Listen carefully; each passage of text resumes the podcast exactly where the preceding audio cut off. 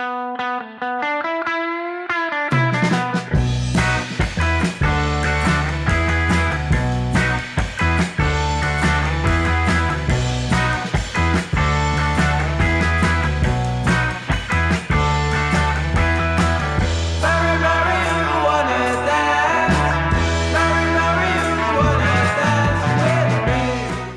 Welcome to the High Tea Podcast with Derek and Rens, a podcast about cannabis culture. My name is Derek Bergman. And my name is Rens Hoppenbrouws.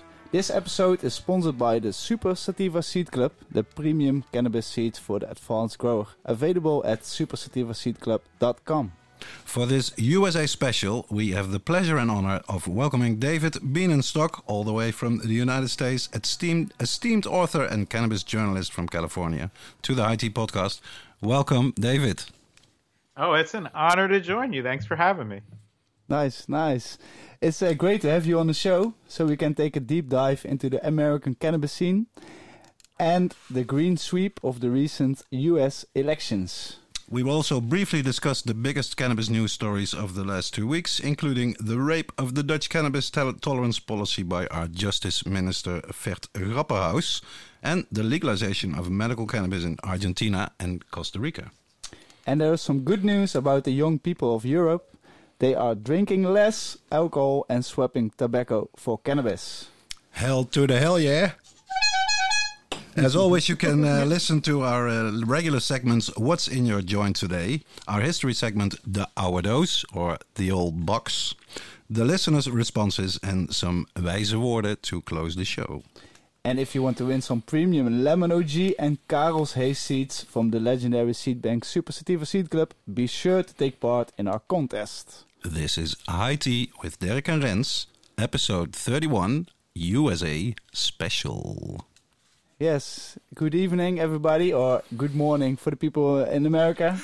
this is our first time having such an international guest, so I'm very honored to have you uh, as first uh, on our show.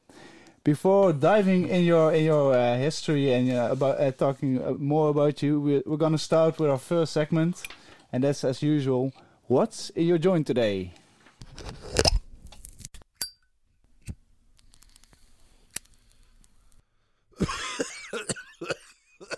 Wat zit er in jouw joint vandaag?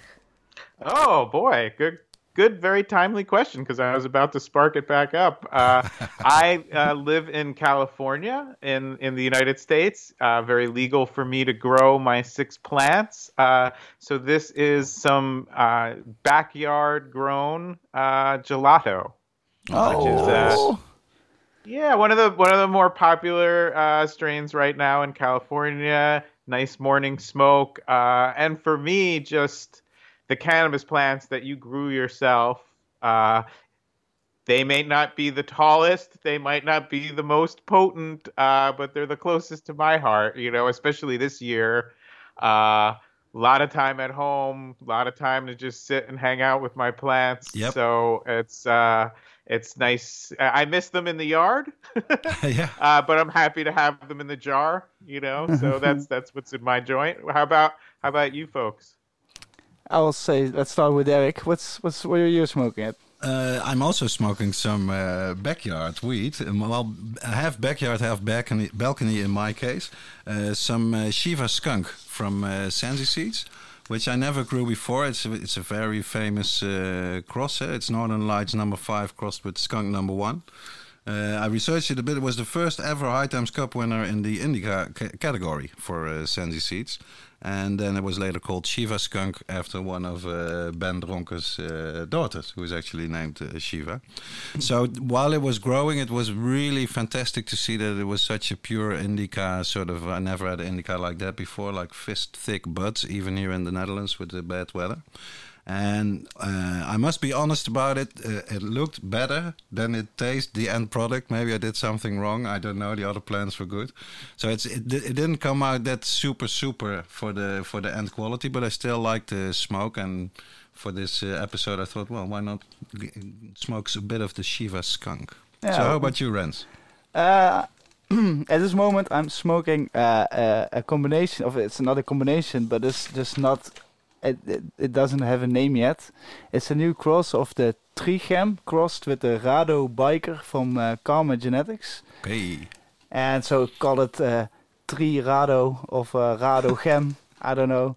But it's a very earthy, uh, very earthy kush, uh, indica variation, and uh, it's a very nice daily smoker. Uh, I, I I really enjoying it, and uh, yeah, I like to uh, thank the grower for it and uh, for this nice smoke. All Right on. let's. Uh, I hope everyone is uh, toking something and uh, having uh, something rolled. Light up, people. I'll say. this is the moment. Let's go to the next segment to what's the news.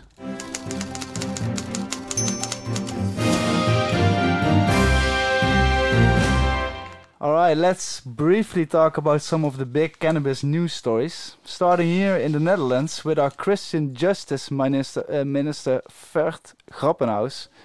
Uh, Derek, you wrote in a recent CNN, CNN BS column that he raped the cannabis tolerance policy.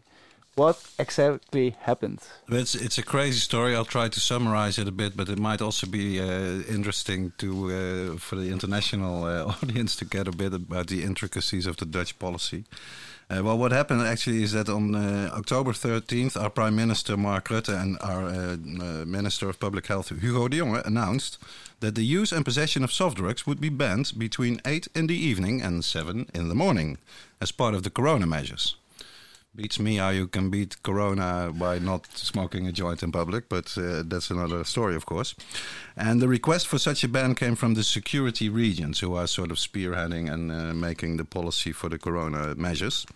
But the very next day, the ban with, was withdrawn again because Professor Brouwer, who is uh, well known among activists here in the Netherlands because he's a very sharp uh, professor of law from University of Groningen, he explained in different media that the use of all drugs, even all illegal drugs, heroin, cocaine, you name it, the use of it is legal.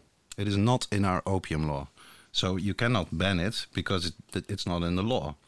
And the second thing that makes it even more complicated is that 200 municipalities or cities here in the Netherlands have already a ban in place on smoking cannabis in public.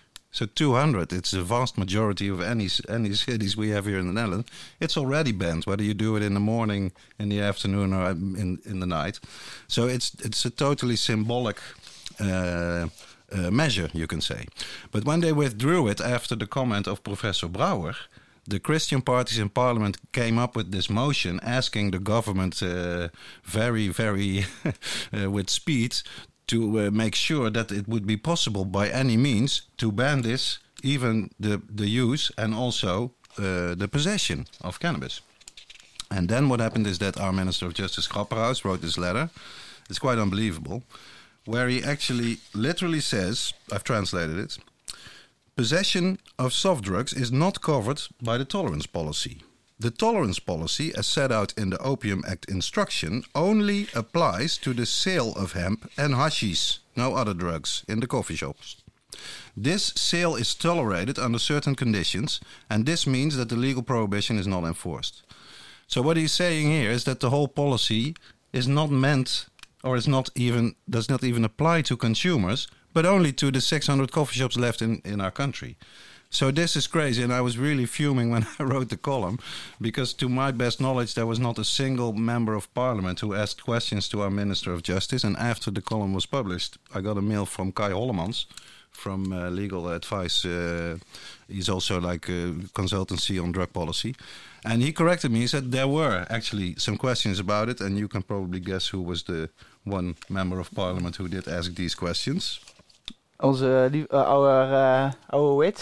Uh, no, no, no, Oh. no, no. It was our darling, not our witch. It was oh, Vera, Vera, Vera Bergkamp.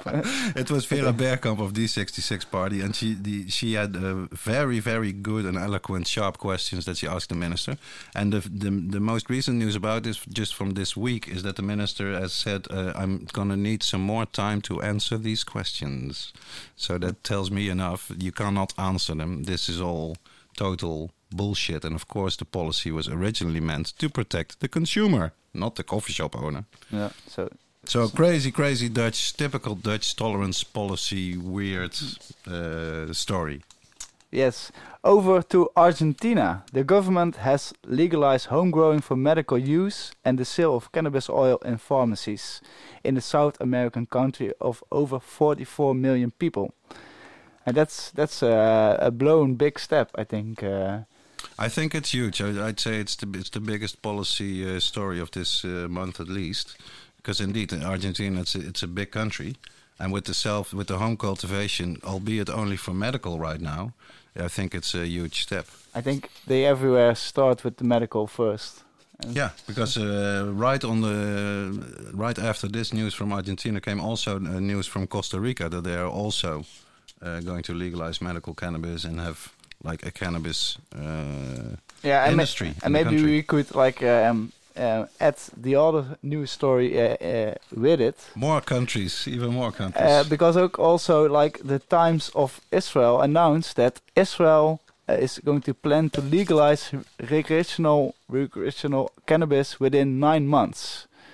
So that's also like a big thing. And so much faster than our government, who took like six years only to do a tiny experiment in a few cities with the coffee shops. So yeah, and like they, they one of the things they're saying is, uh, according to the new law being promoted, people aged 21 and up will be allowed to purchase cannabis at specialized stores. They will be required to show identification.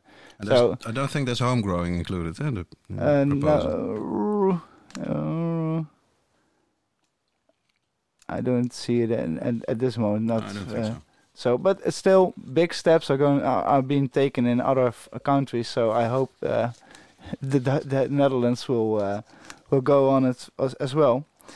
Um, let's talk about uh, our final news story. is about the 15 and 16 years old school students in Europe the European School Survey Project on Alcohol and Other Drugs, the ESPAD, interviewed almost 100,000 15 and 16 year old year olds in 35 countries.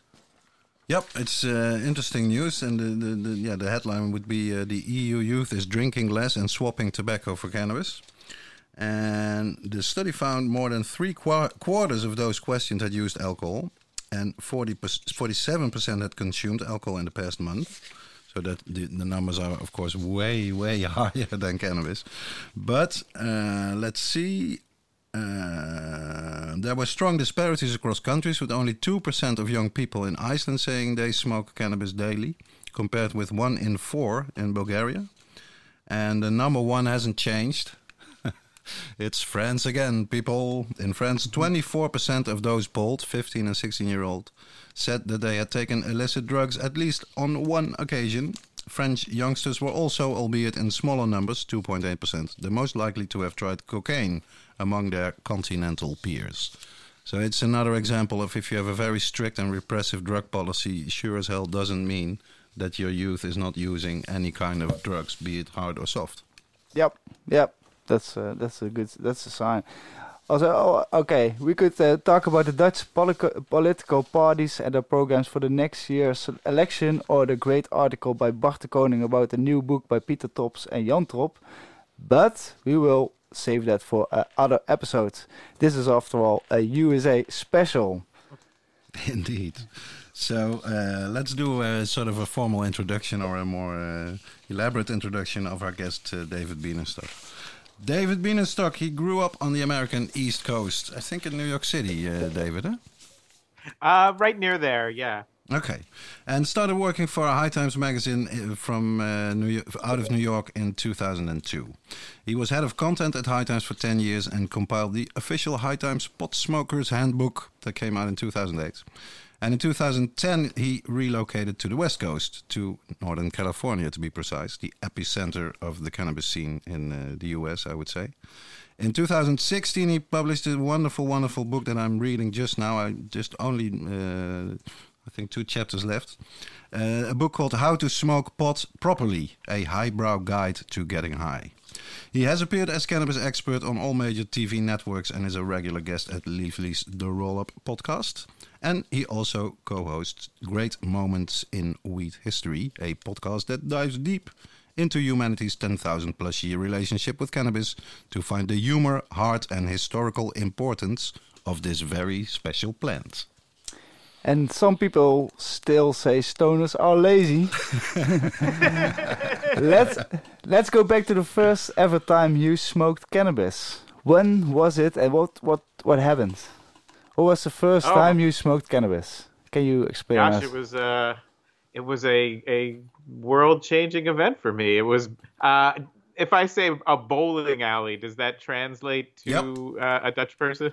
Yeah, we so know it what you was in the uh, parking lot behind a bowling alley. Uh, I wish Like it in was, the you know, I could say it was on a mountain top or next to a alpine lake or something, but uh, it was in the parking lot behind a bowling alley. And you know, for me, uh, not to get too deep into it, but I was somebody who I grew up, you know, with a lot of anger. I had a chip on my shoulder. Uh, I had a hard time relating to people, uh, and that first experience of getting really high it just helped me kind of laugh at myself and and gain a different perspective on myself as a person uh, so sometimes a lot of times when we talk about the medicinal use of cannabis we we rightly talk about things like uh, treating cancer or ms or uh, seizure disorders um, which we of course all of us listening to this podcast know that it, it's a profound medicine uh, but for me, it was a, a medicine in a different way, in a way that really helped me look at some of the traumas of my life, some of my own inability to relate well to the world. Um, and that relationship goes on to today. Mhm. Uh, you know, I always I like to say uh, weed isn't the cure for being an asshole, but it's a good place to start. and it, it it it started me on a journey to being just a much more open and uh, self-reflective person and somebody who um, it, it also you know even long before it was my job Uh-huh. uh, writing about cannabis you connect to a community of people that um, is open diverse uh, progressive you know, not that every person who smokes cannabis has the same viewpoints, but I do think that there's an openness to this community. Uh, part of that comes from the plant itself, and part of that comes from our collective uh, reaction to this oppressive system of Uh-huh. being marginalized, of being criminalized. Um, to me, and I have to say this up top, uh, the first time I was able to come to the Netherlands uh, was the first time I was ever able to consume cannabis without being worried about being arrested uh, in a public place or semi-public Uh-huh. place of a coffee shop. What, Uh, what year was this? You remember? this would have been uh, about 2003. Uh, I was working on the Cannabis Cup events. Uh, it was uh, something I did almost every year for about 10 years. So I have so much love for the Netherlands. Uh, I've unfortunately, because it was a work trip, not gotten out of Amsterdam very often. Uh, don't worry we about it, Dave. I don't think any any American in the history of the High Times Cup ever has gotten outside of Amsterdam during the cup. Maybe to go to the cannabis castle. um, but you know, that was another really profound experience and something that not just for myself, but for many, many decades, um, the Netherlands has provided that experience to people, and even for people not able to physically come and and and take part in ca- uh, coffee shop culture, it was a beacon of hope, of reason. It was an example that you could point to when you're trying to refute uh, these doomsday pronouncements from people about what's going to happen if you legalize cannabis or decriminalize cannabis. We And were the so proof that, that, that really the, the, the sky didn't fall down after we uh, had these shops. Huh? Yeah, absolutely. And so in, in our podcast, uh, Great Moments in Weed History, which I do with my partner, Abdullah Saeed, uh, we did a whole episode about the Provos movement Uh-huh. and how uh, seed companies and coffee shops came to the Netherlands. And it was, you know, through civil disobedience, through street demonstration, um, all of these things that inspire me politically. Uh, and that's just another thing where you could point to this example. Don't wait for politicians to come and create this change. You have to push for it. Very and important they will point. always follow. Absolutely, yeah. We'll certainly get into activism uh, later in the show, I think. Um, what what interests me is uh, okay from this first moment uh, in the parking lot of the bowling alley. Uh, when did the idea come, or even the the possibility of of making a job out of the weed, working for the plant, as Doug Fine always used to say. Use it still says. love Doug. Uh, it was something that was always important to me. Mhm. Uh, before I got the job, it was really a part of my identity, of my social scene. I grew up in a part of the country where there was eh, people obviously grew weed, but you didn't know about it. It wasn't like California where there was a real culture of of growers. Uh, and I had had a few journalism jobs, and I got an email from somebody who said, "Hey, I know you. I just saw a one ad for a job at High Times. you have to." I thought of you immediately, Uh-huh. uh, and it was a matter of good timing. Um, and at that time, particularly in the media, it was a real lone voice Mm. in the wilderness. Um, Absolutely. so I saw it as not just like kind of a dream job, but also a real responsibility. Um, now we are really blessed with a lot of good media on all kinds of levels reporting on cannabis and uh, creating programs like this one for people to learn and to join the community. Uh, but at the time, uh, High Times was very unique, at, at least in the United States. I can speak to as as, um, and so I did everything from writing about people having their lives ruined. Um, these and and of course you're always writing about the worst cases. So it, it was these horrific stories, Mm. but also all the joyful aspects of cannabis, um, the cultivation, the culture, music, um, and to see it change so much. Uh, when I started, there were no legal states for cannabis. There were just a few medicinal states, and even in the medicinal states, you were still seeing the government raiding.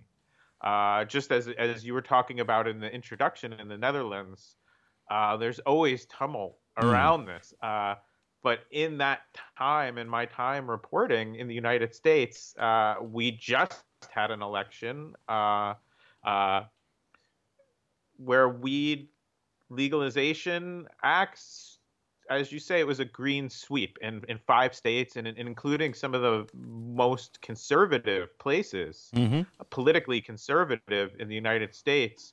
Uh, cannabis won in all. We also had two uh, elections on decriminalizing psychedelic plants In Oregon, uh, that both passed, Oregon and in Washington D.C. Uh, Great. so it's very very exciting. I never try I try not to lose sight of the fact that half of the country I live in and the vast majority of the world is still living under prohibition. Uh, but it's been a real journey from that parking lot to answer your question as a sort of you know wide-eyed young person i never thought uh, it would take me on this journey and as much as i love cannabis all the people that i've been able to meet through this journey and this job that has really honestly been the best part and wherever you go in the world uh, unless you are in a totalitarian, and this I think is very important to think about. I don't think this is a coincidence. If unless you're in a totalitarian state, you will find cannabis and you will find cannabis people anywhere in this world, um, and so that has been kind of the most beautiful part of this for me. Yeah, fantastic. What is a bit painful in a way, like uh, I'm a big High Times fan myself. Uh, my career in cannabis journalism started with, say, the Dutch equivalent of High Times. It's called High Life. Not that uh, original. It- it- it- they've been publishing since '91, I think, but still on the market, and I still write for them. And uh, you can say now that the, the, in the past two, three years, is my from my perspective here in the Netherlands, High Times has totally gone down the tubes. Really, uh, the the people that are now in the main management of the of the of the mother company, they uh, I think are ruining the magazine and even the legacy of the magazine if they, if they're not careful about it. What, what's you no longer work for High Times? I think you, you went on also to of course write for uh, Vice. What's your perspective on, on what's happening at High Times? And they there's no print, uh, I think, anymore. Yeah, I, I, should make that really clear. And thanks for giving me that opening. Uh, I have nothing to do with. Uh, after having worked there off and on, but mostly on for more than ten years, so a really big part of my mm. life. Uh, the people who have come in and, and taken over are just terrible people, the worst kind of predatory capitalists, uh, people who have no love for cannabis or this culture, uh, who are, I, I want to choose my words carefully, uh, acting in very dishonorable ways. Mm. Um, there's a great article uh, uh, from a publication called Politico uh, that really gets into the details, but um, it's very, very sad and unfortunate. Um, whereas the legacy of the magazine uh, was founded by a cannabis smuggler yeah. and a left wing radical activist, and somebody who was also a very big part of the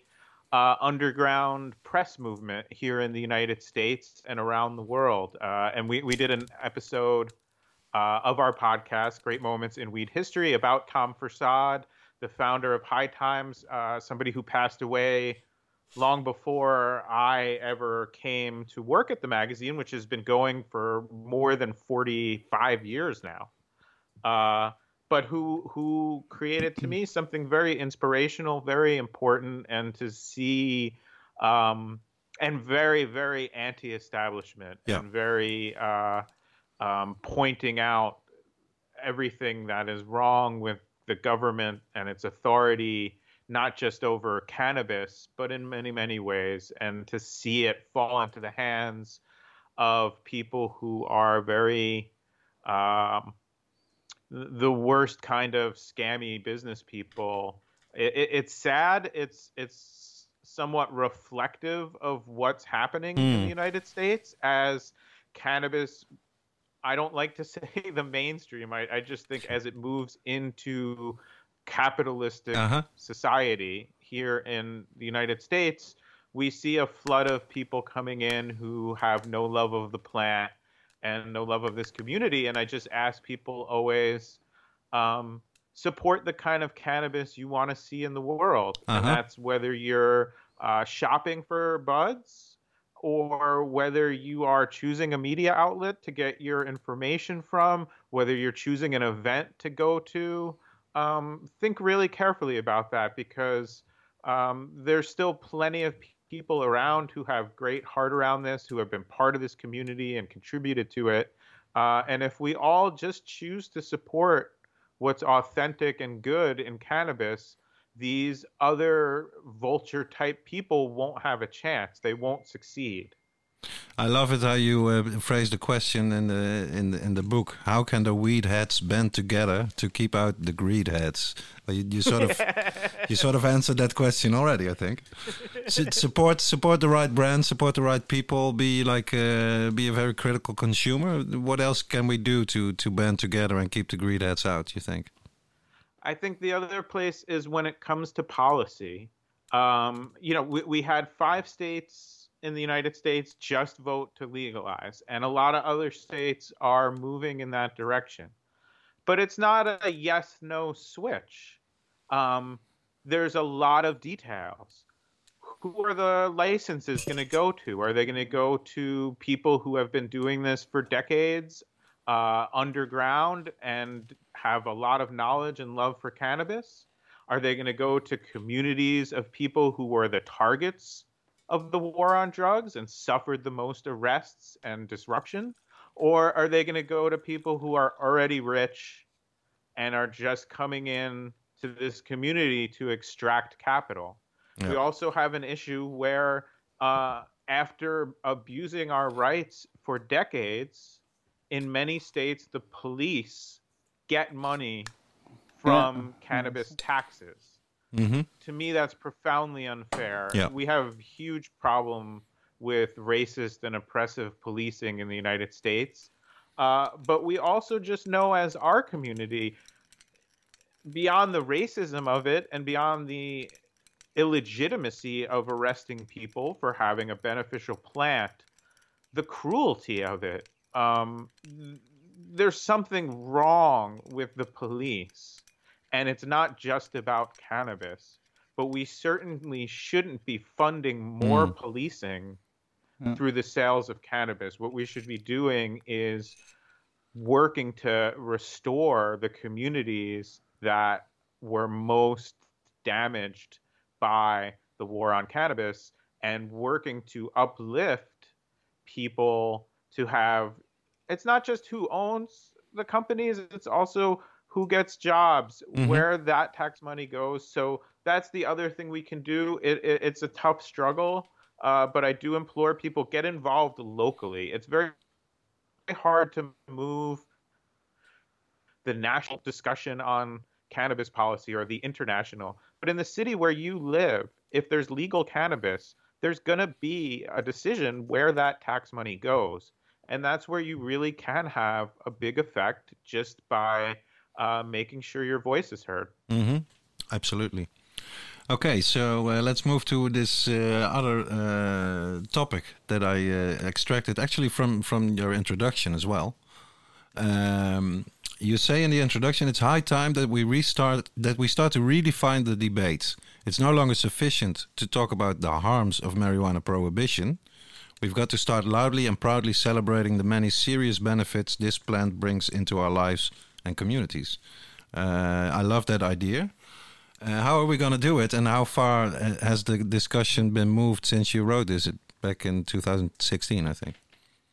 I I think the discussion continues to move. I think when it comes to some of the regulatory aspects, it is a tough fight. When we start to talk about our effect on the culture, we're doing great. The Mhm. more people who are able to experience cannabis in in a positive way, they're going to experience the benefits. They're inherent in cannabis, Uh-huh. um, and they're going to become new advocates.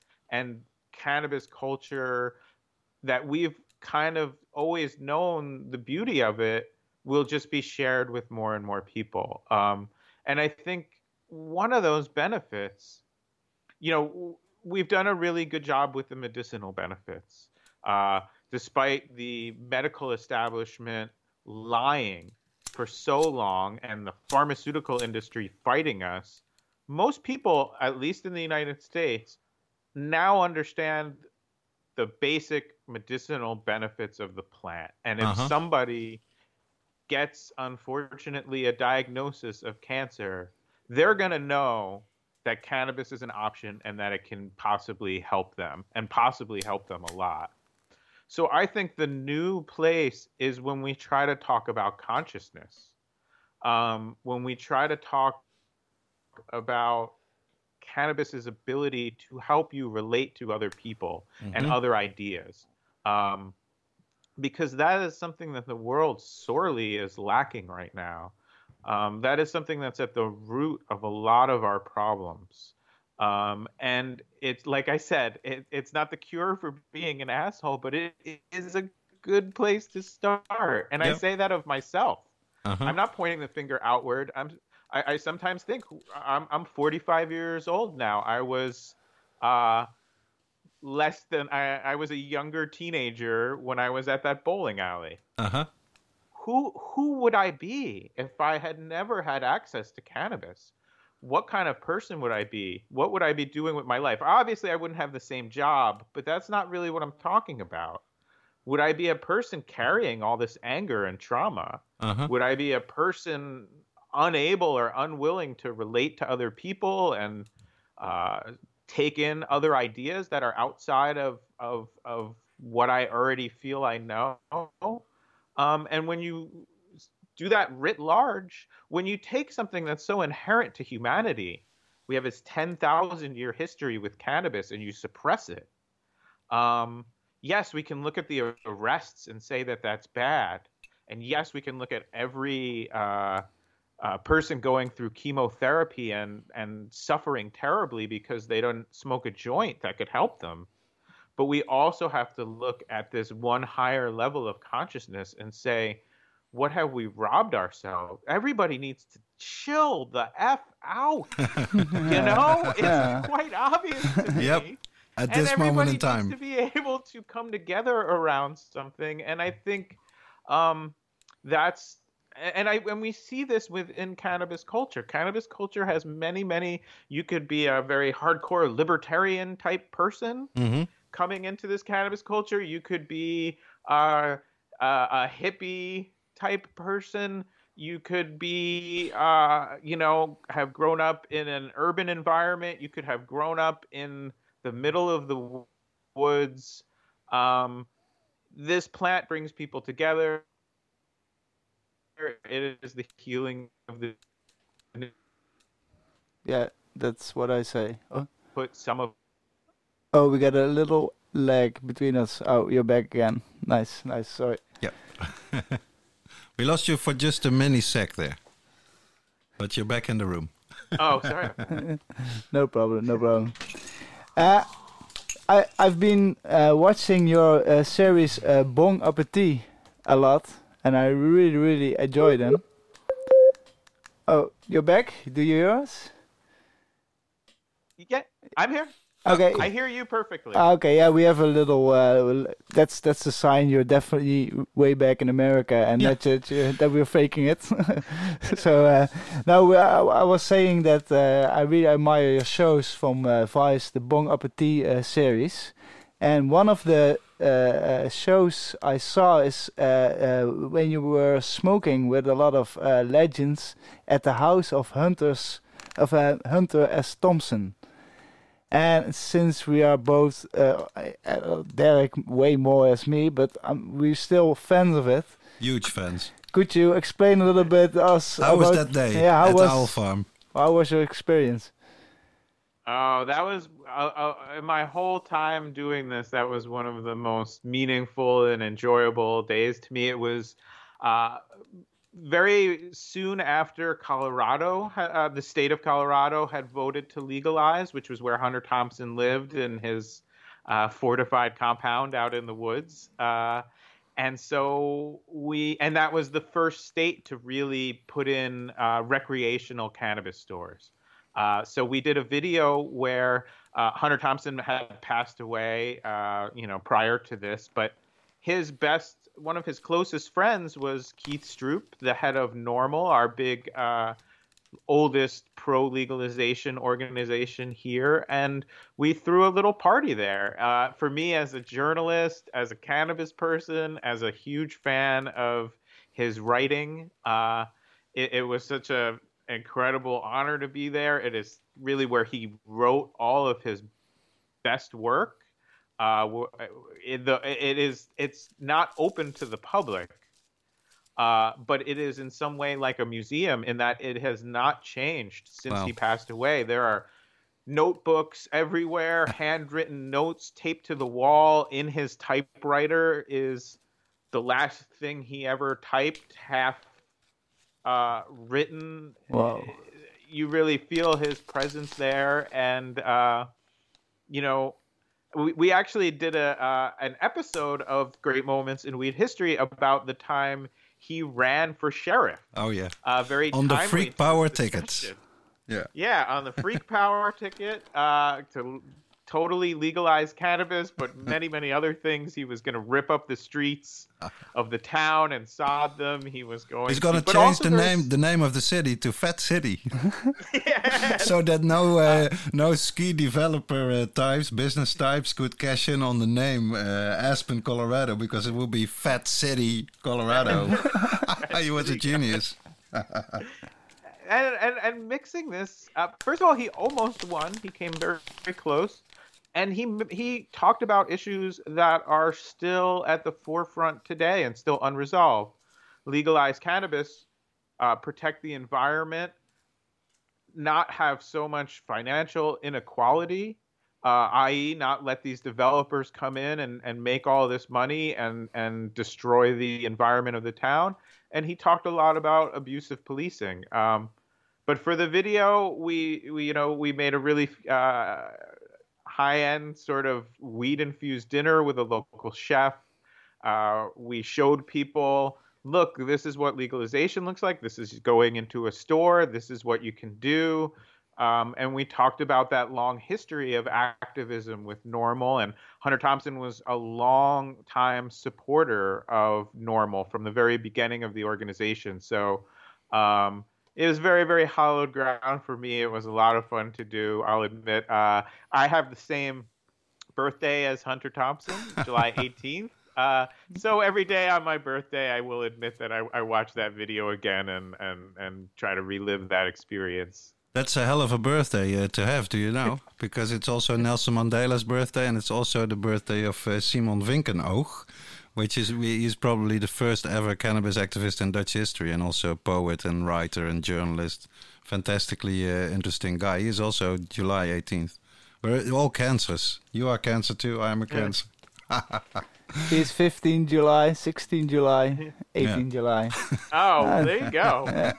Well, maybe I'll, someday I'll I'll have to come uh, visit for my birthday. I cannot wait to. Uh, it's been too long since I've been in the Netherlands, and I can't wait to return. Also, sometime when the cannabis cups were always in late November. Uh-huh. Thanksgiving. Uh, I would very much like to come sometime in the summer oh yeah, yeah. Then it's actually good weather here. We can yeah. have it, sunshine and all. Well, talk, talking about the cannabis cup, I, I can say like that uh, the High Times Cup's been like a.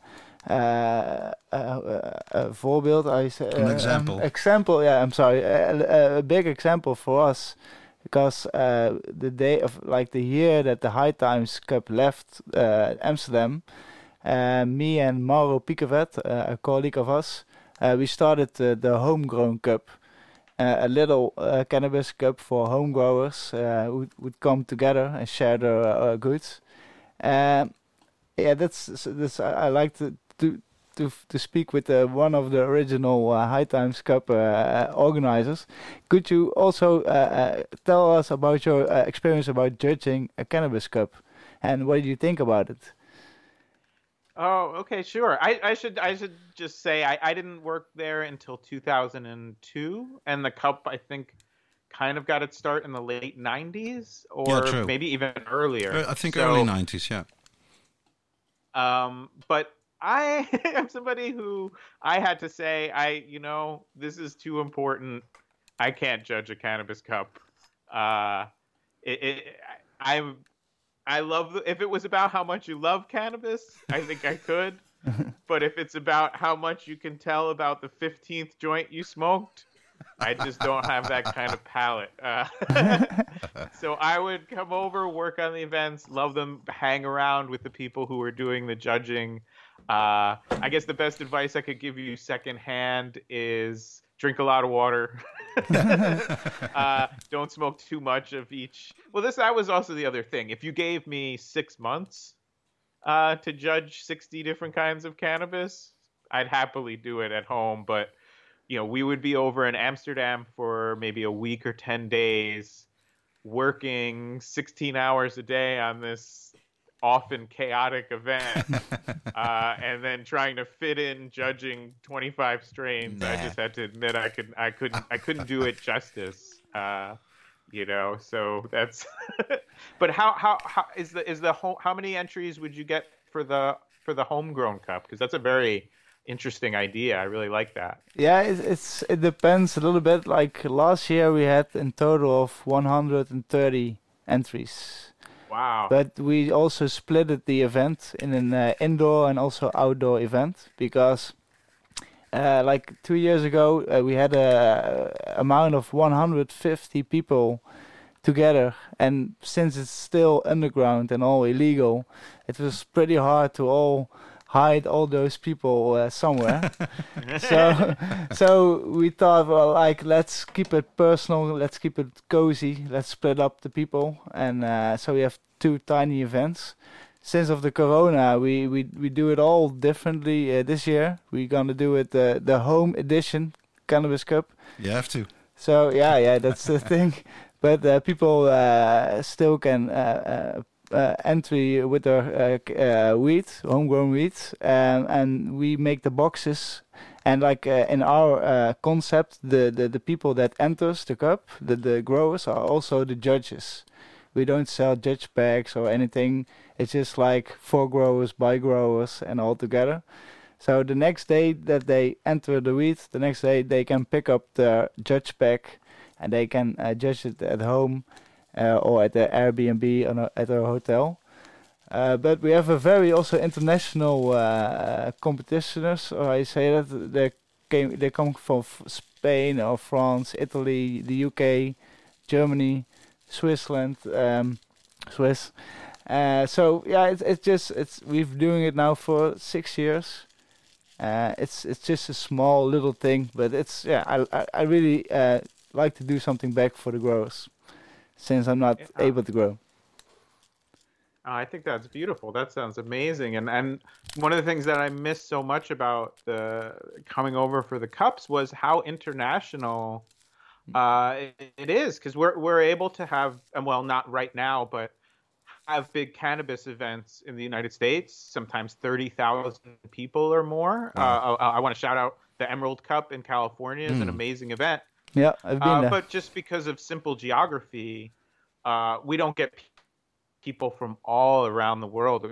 When we used to check people in for the Cannabis Cup, uh, South America, Asia, uh, Africa, you know, not all different proportions, but really people from all over the world, and yep. you'd see uh, the same people coming back, bringing their friends. We'd get a tour group from Japan every year, um, and and it was amazing. And see, even when there was no common language, you would see people hanging out at the at at the at the coffee shops, just pointing to something, you know, drawing a little picture of a lemon, uh-huh. you know, look, it's like a lemon, and then laugh. Uh, and I always just found that so life affirming. It always gave me such a good. I always felt like uh, the plant itself was very happy to see um, such an international uh, collection of people together. And so if you can if you're keeping some of that vibe going, I really appreciate it. And yeah, you know, support all the growers. Uh, that's definitely the way to go. Yeah, yeah, and you also had like a, a, good advice for the people at home, also like to do a own, your own uh, cannabis cup with your friends. Yeah, if you're not in a legal state, I like. I also like that. Uh... So you bring, you ask all your friends to bring their best stuff with them And you you you mix it and then you judge it on how it looks the smell and things and you can discuss something you share something and it's a nice way to fill up your evening uh, together with some uh, good friends it's uh, for also for the listeners at home it's a nice idea to uh, to do for sure okay i want to get back uh, to uh, a bit bit of reality not too much I want to talk a bit. I want to talk a bit about. Okay, we can now, I think, safely say that the the new 46th president of the United States is Joe Biden and not Donald Trump. What do you make of the chances for federal legalization in, in his first term? To put it like that. Um, I think it's it's going full on federal legalization is is going to be tough and honestly, that may not be what we want right now. We want an end to arrests everywhere. But if federal legalization happened through the government we have or are likely to have, I don't think it would be a very good system. Um, because there is too much power with people who hate cannabis. Mm-hmm. Um, what I see likely, very likely to happen is uh, one national policy under. Don't die, Derek. national policy under Joe Biden will be uh, far, far, far ahead of what we've seen for the last four years. Okay. Um, but where the action will be will be more and more states legalizing, and then possibly um, states working together. Right now, nothing can cross state lines. So if you're in California, uh, California grows way more cannabis than California can consume. the state that I grew up in, New Jersey, just legalized, and there's a huge need for cannabis. Right now, there's no way to legally get cannabis from California to New Jersey for sale in a store. But that might start to change, and Uh-huh. that would be uh, another huge move towards uh, uh, ending prohibition entirely. At, at this point, um, all of the momentum is with us, uh, but we are still unfortunately going to have a federal government that is uh, pretty likely to be divided, and so it's hard to move any kind of big legislation uh, through our government. There's a lot of things the president can just do waving a wand, hmm uh, but creating a federal system for cannabis would would would not be one of them. Uh, but I, I could name. Uh, well, I don't want to get too specific into U.S. politics, but there's another five to ten states that are are likely uh, to legalize in the next two to five years. So uh, that's where I see the progress happening. Because you have these midterm elections, of course, in the United States, where where it's for the is it for Congress or for the Senate, and then that Yeah. that, that gives you the opportunity to have a ballot initiative and vote on it. Eh? Some some states allow you to have a ballot initiative where you can directly vote on it. hmm some do not and we've kind of almost won in every state where you can vote on it directly and that just shows you how far ahead the people are and how far behind the politicians are uh, if you let people vote on it they say yes even in a very conservative place Mm. but if you don't have that option and it, it is has to go through our broken political system, it just doesn't go anywhere. Or the fear is you get a kind of legalization that is so favorable to big business and pharmaceutical companies, et cetera, and so uh, pushing out everyone else uh, that it's not the kind of legalization you want. Um, so that's you know that's part of a bigger problem of just politics in the United States right now. Yes, uh, we got rid of this person who I consider a tyrant, who I consider uh, a, a, a fascist in waiting, uh, if that, if in waiting. Um, it is a huge relief. Uh, but the underlying problems in this country that allowed us Mm. to elect such a person have not completely gone away. Um, so I don't want to be pessimistic. I think there's a lot of great change that's going to come. I just don't think in the next two years, at least, you're going to see a big bill at the federal level. Okay.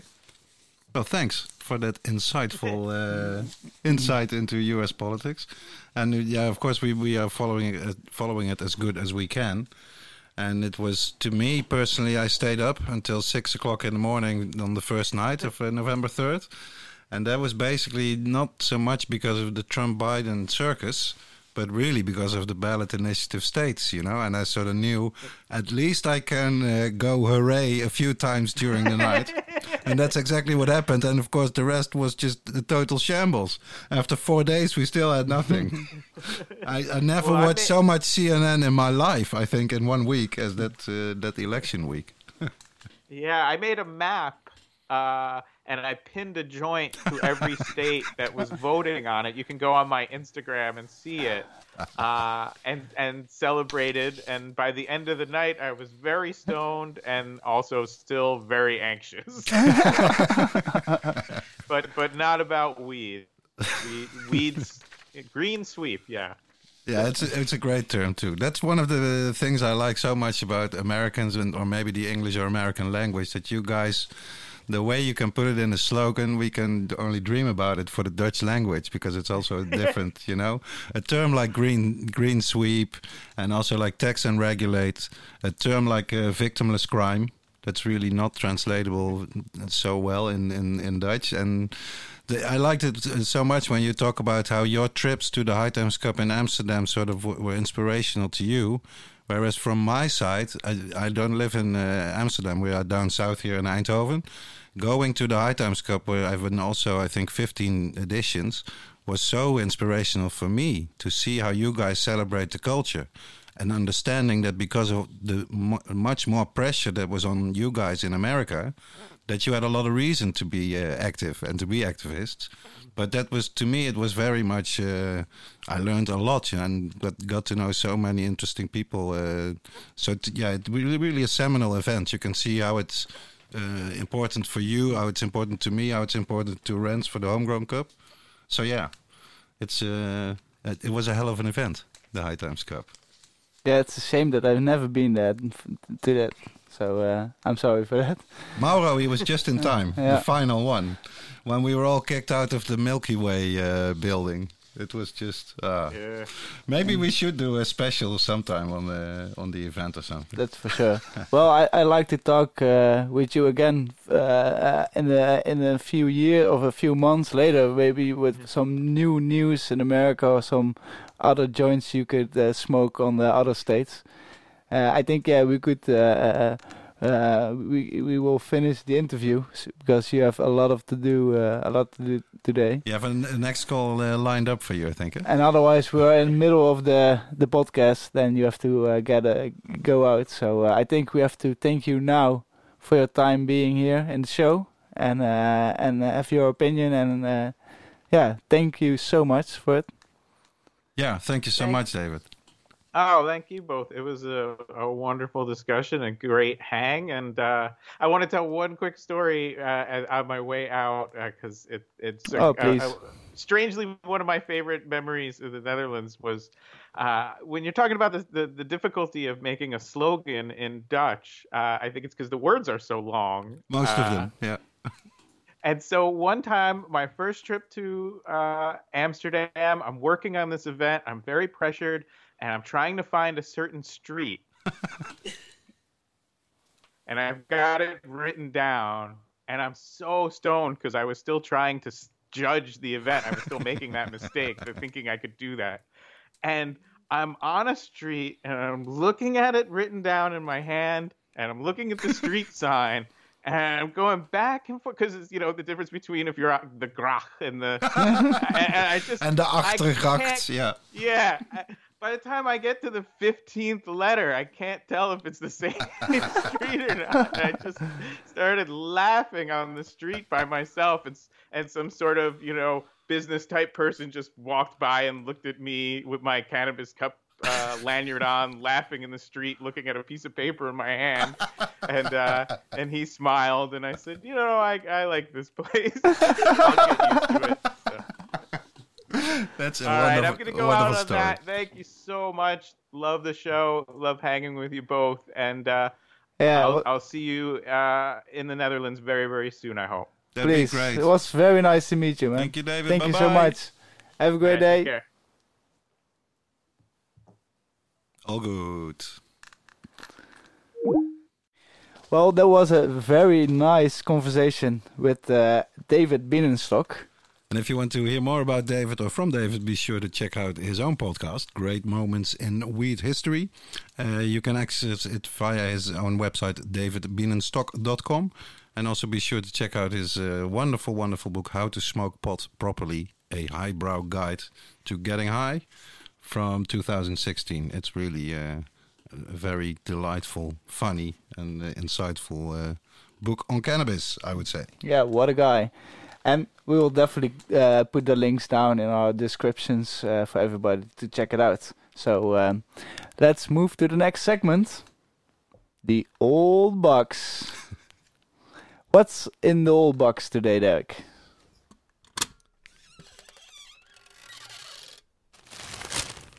Well, during the research for an as yet secret project, you'll hear more, more about this, listeners, in the following episodes. I came across a newspaper article from 1990 in the Leeuwarder Courant, the Frisian newspaper here in the Netherlands. And it is actually about our good friend Doede de Jong from Friesland. He's probably the best known Dutch weed grower. And what I like about this uh, newspaper article is that it shows how different the climate towards cannabis was back then, 30 years ago. So I've translated the article and the best bits of it in English, so our uh, English listeners, English-speaking listeners, can also understand what it's about. The headline uh, goes: Hemp grower takes legal action to prevent culling of hemp field. And here goes the intro. I have always enjoyed gardening. This is how Doede de Jong explained in part the presence of about 200 hemp plants in the garden at his home in Appelscha. In summary proceedings against the state of the Netherlands, he wants to prevent his crop, just like that of a number of other growers in his area, from being destroyed by the police. An action which he probably would have escaped without this legal action.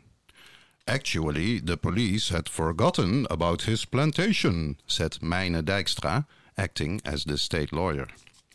So the article goes on to explain what Doede back then tried to do is go and, and sue basically the Dutch state for saying, if you come near my wheat plants again, you will have to pay me 20,000 Dutch guilders. So he, he totally turned the tables on the state, so to speak. and there was a reason for this. The article explains. The Supreme Court, as reported, recently left a 36 year old owner of a field with 555 hemp plants unpunished. According to the highest judicial authority, the man was able to make it sufficiently plausible that the crop was intended for seed harvesting and not for the production of nederwiet, the smokable, mind altering tops of the hemp plant. Cultivation for the latter purpose is covered by the Opium Act, while planting for agricultural and horticultural purposes is permitted. So then the article goes on to explain that Doede said in the court that he basically uses a lot of his wheat to get seed from, and that he uses a lot of the seed to give for chicken feed to his chickens and his rooster. The resident of Appelscha feeds his chickens and a rooster with part of the seeds, with the hemp plants on the outside of the field serving as a wind barrier for crops further in. But above all, de Jong grows the, the hemp plants as a hobby, his counselor said. The reason lies mainly in breeding to improve the crop. De Jong did not want to deny that he uses part of his crop as nederwiet for his own use. However, he could provide for this with 10 to 20 plants. He said he gave a large part of the harvest of smokable tops to friends and acquaintances, who were also important buyers of his seed, because they share the same hobby. About half of the smokable material would disappear into the compost heap without reaching the nederwiet trade. A trade that is permitted for small quantities, his counselor Haagsma recalled and she made the case for nederwiet as a friendly intoxicant in comparison to alcohol.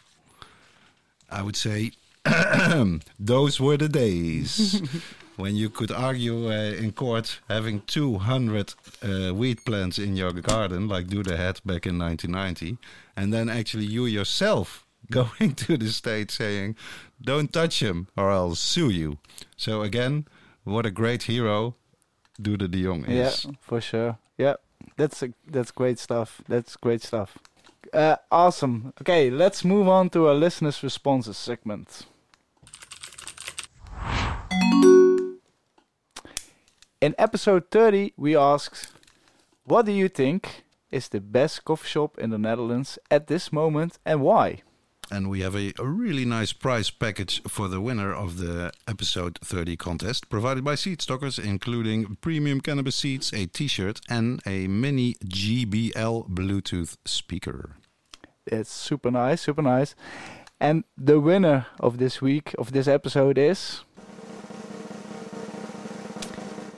It's Guido B. from Sittard, Limburg congratulations! You will you have will get uh, a very nice uh, prize package, and we will now read out his letter. And it goes a bit like this. I translated it myself into English for our international audience, so it was in Dutch originally to uh, to keep track of that. Hi, Derek and Rens. I would love to win the new signed book from my cannabis guru and shaman Soma. And the answer to the question is not difficult for me.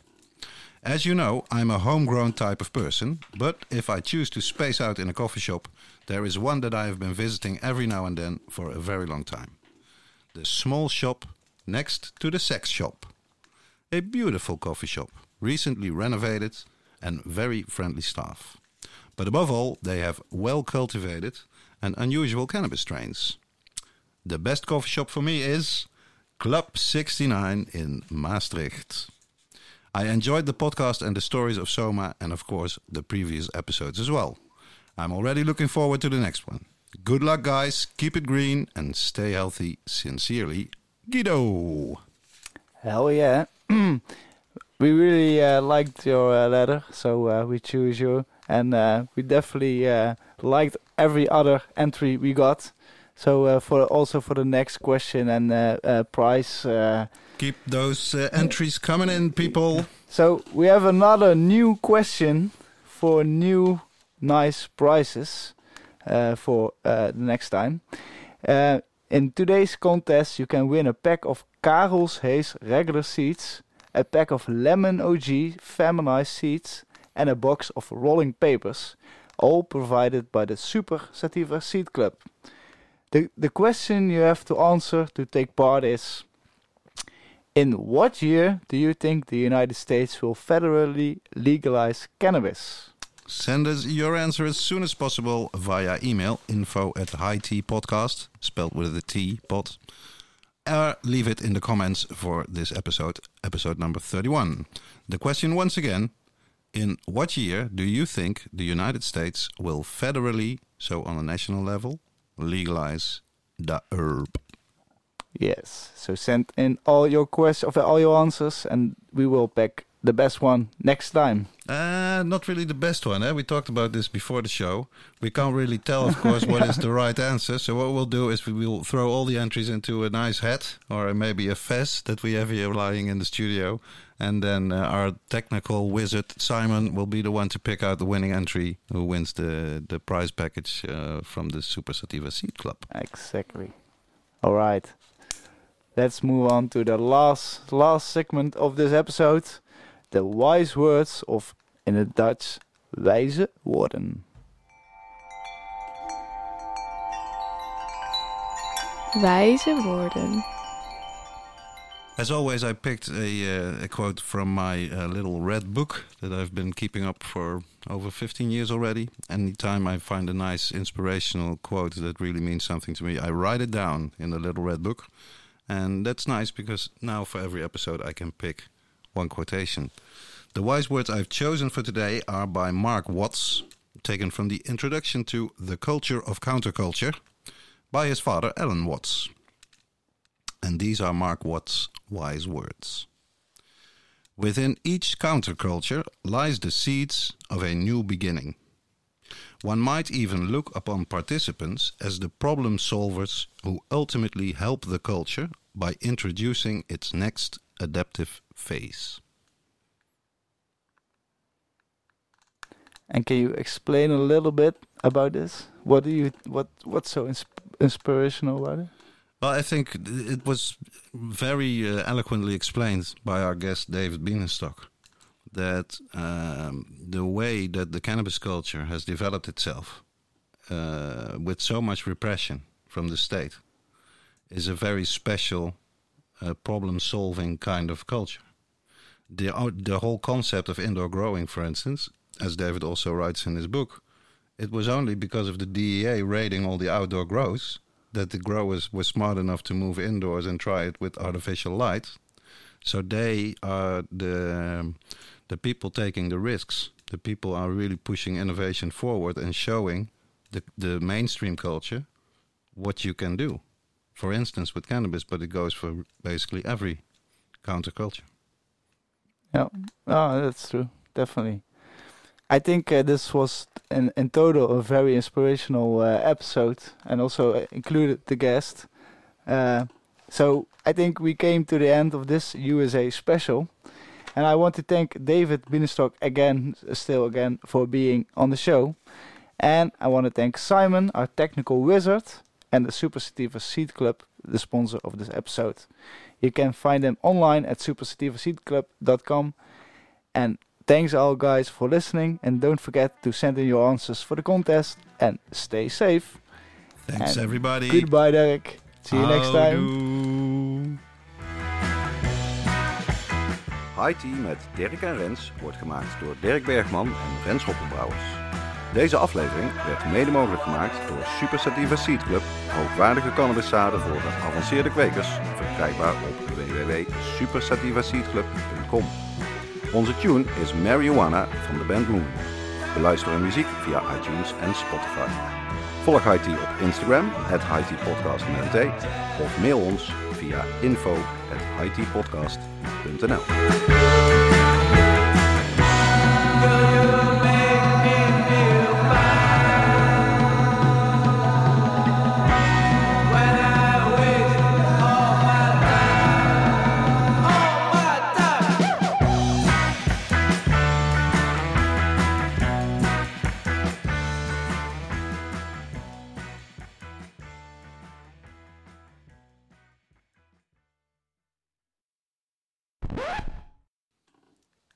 Ja, vind je dat we de rest alleen doen? Okay, that well, that was a very okay. Wacht, even overnieuw. okay. All right. Okay, it's time to move on to our listeners' response segment. In episode 30, we ask, "What do you think is the best coffee shops?" Of, ach. Mag je even overnieuw, alsjeblieft? Run it. Oké. We hebben de tijd.